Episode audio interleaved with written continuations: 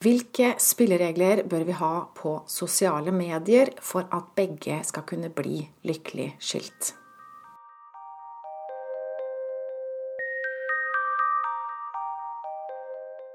Jeg heter Line Strandvik og jobber online som personlig veileder.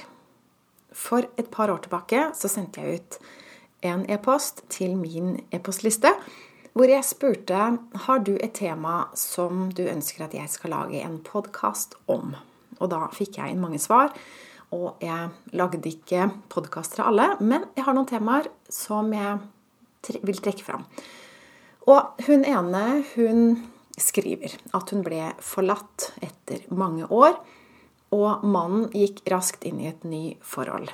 Og hun syns det er vanskelig å se deres lykke på sosiale medier. Så spørsmålet hun stiller meg, er hvilke spilleregler vil du anbefale på sosiale medier for at begge skal bli lykkelig skilt? Vel, det finnes jo ingen spilleregler på sosiale medier. Og du kan lage spilleregler, og du kan følge dem selv, men du har ingen garanti for at eksen din skal følge disse spillereglene. Vi snakker om to mennesker med fri vilje. Så det du gjør nå, er at du tenker at løsningen på dine lidelser, det er å kontrollere han. Og det er noe vi alle gjør veldig ofte. Vi tror at andre må forandre seg for at vi skal få det bra.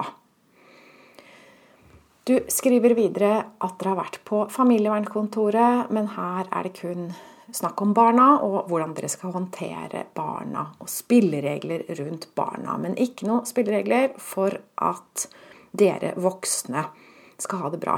Og det er helt riktig. Det er det familievernkontoret jobber med. I hvert fall hvis dere går til mekling om barna, så er det det det er fokus på.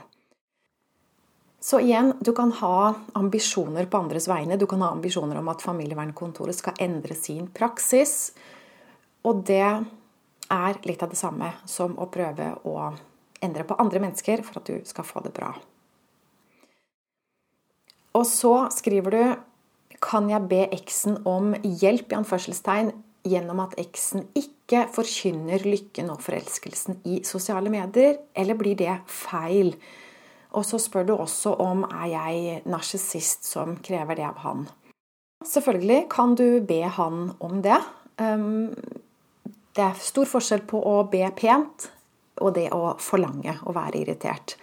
Så du har sikkert mer eh, sannsynlighet for å vinne gjennom hvis du ber pent. Og hvis dere fortsatt har varme følelser for hverandre, altså at dere har gode tanker om hverandre selv om ekteskapet er slutt, så at dere har et vennskap i bånd, så kan det godt være at han eh, hører på det. Kanskje han bare ikke har tenkt seg om.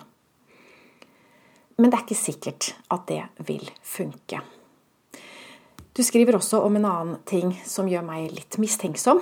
Um, og det er det at han nå går tur på den løypa eh, som du alltid har gått alene. Altså han går tur med sin nye kjæreste på den løypa du alltid har gått alene, så så du nå møter dem. Det, for meg så lukter det litt eh, at han prøver å stikke deg litt. Um, og det, som sagt, Jeg kan ikke lese det ut fra alt du skriver, men du skriver også noe om ting han skriver på sosiale medier, som gir meg litt mistanke om at han gjør det med vilje for å såre deg. Som en, um, kanskje en eller annen form for hevn. Eller kanskje han gjør det for å hevde seg selv, for å overbevise seg selv om at det ikke er noe galt med han, det er ikke hans skyld at forholdet med deg ikke funka. Og hvis det er tilfellet, at han også irriterer deg med vilje, så vil det da virke mot sin hensikt hvis du ber han om å dempe seg. Da vil han bare gjøre det mer, for da får han noe ut av det. Så hva gjør du da? Skal du bare fortsette å lide? For du skriver at det her bruddet har vært eh, ekstremt tøft. Du visste ikke at samlivsbrudd kunne være så tøft. Dere har tross alt vært sammen i mange, mange år og har um, tenåringer, store barn. Men nei, selvfølgelig skal du ikke fortsette å lide. Det finnes løsninger. Og så skriver du dette slipper ikke taket, tross alskens teknikker. Den har jeg hørt før. Jeg har en mistanke om at du leter etter eh, å ha brukt teknikker som nok en metode til å unngå følelsene dine. Det finnes mange av dem. Og det er det jeg kaller å lakkere en rusten bil. Rusten den eh, vil fortsatt være der. Så hvis du merker at det ikke hjelper, så er det noe du ikke har fjerna. Du har ikke kommet dypt nok. Så det er nødvendig å prosessere følelser på skikkelig måte og det er nødvendig å rydde opp i tanker som volder deg smerte. Vi mennesker vi tror på mange løgner, og det er ikke så lett å være bevisst om det før du får hjelp til å bli bevisst om det. Så akkurat nå så vil du at han skal være mindre forelska, eller at han skal skjerme deg mot å se hvor forelska han er, sånn at du skal slippe å føle på smerten inni deg. Men jeg lover deg, det er ikke han og hans forelskelse som er årsaken til din smerte. Det er det virkelig ikke. Det er ikke engang sikkert at han virkelig er forelska. Det er dine tanker som er årsaken til dine lidelser. Og jeg har fornydelig lest boken til Byron Katie, en bok jeg kjøpte for snart 20 år siden. Og når jeg leste den, så ble jeg minna om um, hvor mye jeg har lært av henne, og at hun har inspirert meg i måten jeg jobber på. For jeg jobber med hoderydning, og det går mye ut på å identifisere hvordan vi lyver for oss selv, og begynne å tenke riktigere. Jeg ser du skriver at du er skamfull for at du føler som du gjør. Du føler deg som en fjortis som har altfor mye følelser du ikke vet hvordan du skal håndtere, eh, og det syns du er skamfullt. Du føler deg barnslig. Men det er ikke barnslig å føle. Det er ikke barnslig å være lei seg og trenge ting. Mennesker i alle aldre har følelser, og det gjør oss ikke til umodne mennesker. Vi er ikke mer voksne hvis vi er kalde og kyniske og pragmatiske. Hvis vi er som datamaskiner. Det er ikke å være voksen. Det er å være avslått, avstengt. Da har vi mista menneskeligheten vår. Jeg tror det som har skjedd med deg i forbindelse med denne skilsmissen, det er at den hinnen som beskytta deg fra å føle, den har revna. Så du har kommet i kontakt med hele deg. Og du har kommet i kontakt med yngre versjoner av deg selv som sitter fast i noe vondt.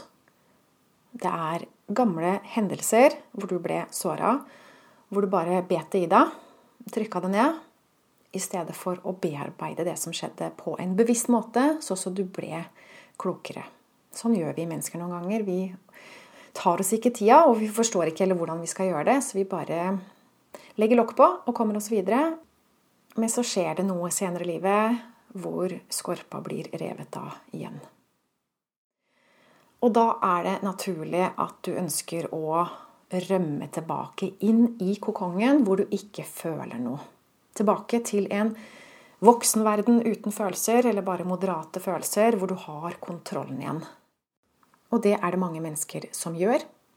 De dulmer følelsene sine med mat, med alkohol, eller rusmidler, medisiner, eller TV, sosiale medier, eller arbeid, eller venner. De hele tiden skal ha folk rundt seg. De er livredde for å være alene og kjenne på det som bor i dem. Så jeg vil oppmuntre deg til å ikke gjøre samme tabben.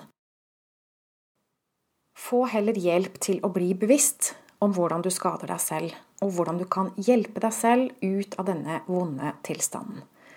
Du kan få det helt godt igjen, og du kan komme dit hvor du ikke lenger bryr deg om hva eksen din gjør hvor han ikke lenger trigger vonde følelser i deg. Og da er du fri. Da kan du styre livet ditt helt selv. Og hvis du som hører på tenker at det her kunne vært meg, akkurat sånn har jeg det, jeg har det skikkelig vondt etter skilsmissen, klarer ikke å komme meg videre, du kan også få det helt godt igjen. Og hvis du ønsker min hjelp, eller ønsker å undersøke om jeg kan hjelpe deg, så tilbyr jeg gratis avklaringssamtaler hvor vi kan snakke om det er match mellom det du trenger og det jeg tilbyr. For å bestille en sånn samtale så går du inn på min webside linestrandvik.no skråstrek klarhet. Da kommer du rett til en side hvor du kan bestille en tid i min kalender Og så skal du svare på noen spørsmål, og så tar vi en prat. Det er alltid mulig å bli lykkelig skilt og få det helt godt igjen etter et vondt samlivsbrudd. Men det er veldig sjelden det funker ved at vi prøver å forandre på den andre. Det er gjerne tegn på at vi har rota oss inn i et blindspor. Og jo mer vi tror at det er den andre som skal forandre seg, jo verre blir det. Så det endrer seg når vi er villige til å gå i oss selv og finne ut av hva er det jeg skal lære, hvordan er det jeg skal vokse. For det er alltid noe vi skal lære av de smertene og ubehagene som vi opplever i livet.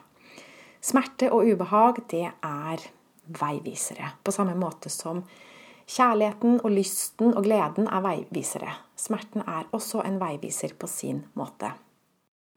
Så det var mitt bud altså.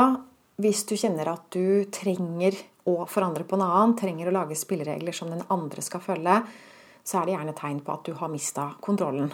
Og behovet på å kontrollere den andre, det er et forsøk på å få kontrollen tilbake i livet, men det er ikke måten å gjøre det på.